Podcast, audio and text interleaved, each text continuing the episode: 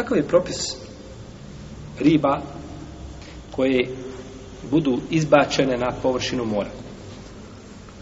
Mrtve. Imamo tu dva mišljenja kod islamskih učenjaka. Je, ribu kada ulovimo mi, ili ulovi je drugi, nije bitno, jasno je da je halal, tako. A međutim, ako bude izbačena na površinu mora ili rijeke mrtva.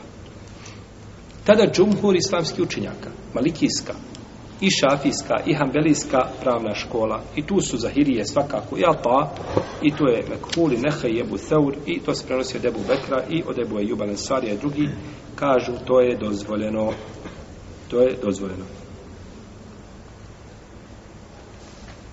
Oma jeste u Bahrani hada azbun furatun sa evun šarabuhu wa hada milhun uđađ wa hada milhun uđađ.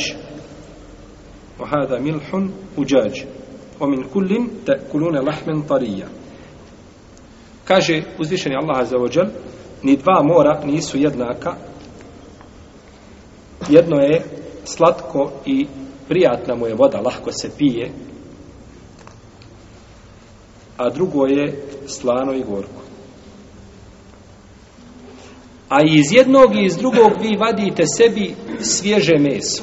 Vadite sebi svježe meso. Uhille lekum sajdu l-bahri wa ta'amuhu meta'an lekum wa lissejara. Vama je dopušteno da u moru lovite i lov jedete, da se njime vi i putnici koristite. Pa su ova dva ajeta općenito dozvolila da se jede šta? Ono što je iz vode, ono što je iz vode. I nije jedno zabranjeno, a drugo dozvoljeno, pomakana robu kenesija, a tvoj gospodar nije, jel, zaboravio, niti od onih koji zaboravljaju. I došlo je u hadisu, koga bilježe Budavud i Tirmizi Nesai, da je poslanik sa osaneme rekao, kada je upitano moru, rekao je, huva tahuru ma uhu, el hilu meitutu kaže ono što je njegova voda je čista a ono što je iz njega je halal što je mrtvo pa obuhvata znači sve što je u moru što iziđe što je mrtvo da se jede i kaže Ibn Omar šta dozirano sam dvije mrtve vrste to su ribe i skakavce ima predaja kod Buhari i kod muslima da je Čabir radijallahu ta'ala anhu jedne prilike izišao sa vojskom pa su imali da jedu toga dana svaki od njih da im, ima da jede po jednu datulu i da malo popije vode to stavi pod jezik i sisa to cijeli dan do navečer to je rana i navečer popiješ malo vode i opet su tada čekaš druge datule čekaš doručak, ručak i večera jedna datula Pa im je izbacilo more jednu veliku životinju koja se zove Amber. Nešto poput kita, veliku životinju. Pa su sjeli tu, jeli, jeli, jeli, dok se nisu udebljali. Od, od, koliko su jeli, onaj, vadli onu mast iz očiju, jeli, 13 ljudi sjelo u oku. 13 ljudi ušlo i onu, onu duplju od oka sjelo. Mislim, koliko je to, koliko, koliko je to stvorenje bilo kada je stavio Ebu Ubejde, kada je stavio rebro te životinje, prošao je, kaže, čovjek na devi ispod tog rebra. Prošao je. Nije se morao saginjati ništa. Ogromno nešto bilo. Pa su jeli i donijeli u Medinu, pa su pitali poslanika sa osnovu tome, kaže, to je risk koga vam je Allah poslao, imate li, kaže, još od toga šta? Pa su mu dali, pa je jeo, sallallahu alaihi wa sallam. Znači, izbacilo, nisu je ulovili, je tako? Znači, kako će je loviti? More je izbacilo, Allah im poslao rizik. Pa su ga jeli. Nisu znali. Oni nisu znali šta je halal ili je šta haram.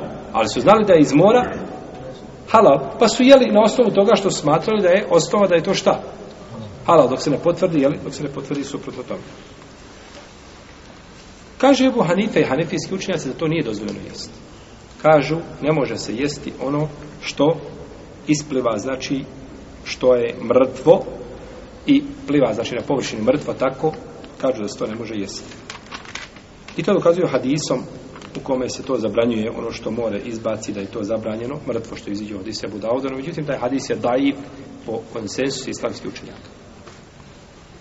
Kada ne bismo imali argumenta koji dovori, govori o dozvolu jela, onoga što se nađe kao mrtvo u moru, ovaj hadis ne bi poslužio validan, ne bi poslužio kao validan, zato što je daiv i neispravan, Pa kako onda kada se kosi skupinom dokaza?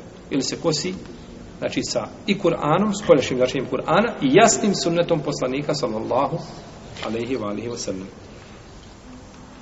Tako da ne može ovo poslužiti kao argument i imamo nekoliko e, predaja od Džabira i od Ali i od Ibn Abbas da su to zabranjivali, no međutim sve ove predaje su dajive. Sve ove predaje su dajive. Tako da ovo razilaženje je došlo kod ehlu sunneta, ali spada u slabiju vrstu razilaženja. Ponekad, braću, razilaženje može biti jako i može biti, znači, na mjestu da svaka skupina ima svoje argumente kojim dokazuje. A ponekad, razilaženje biva blijedo. U ome slučaju razilaženje blijedo. Jer su jasni argumenti u najvjerostojnijim hadijskim zbirkama dozvoli, a zabrana je slaba po konsensu hadijskih stručnjaka. Pa je razilaženje ovdje blijedo i ispravnije mišljenje prve skupine, vallahu ta'ala, alam.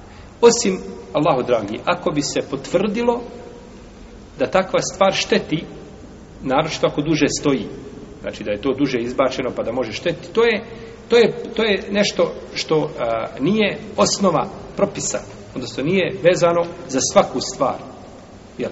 nego vezana je za znači, ribe koje su uginule u određenim okolnostima, pa duže vremena plivaju, pa da takav način može da se dođe do kvarenja ili slično tome, to je druga stvar. Međutim, osnova je da je to halal i da je dozvoljeno.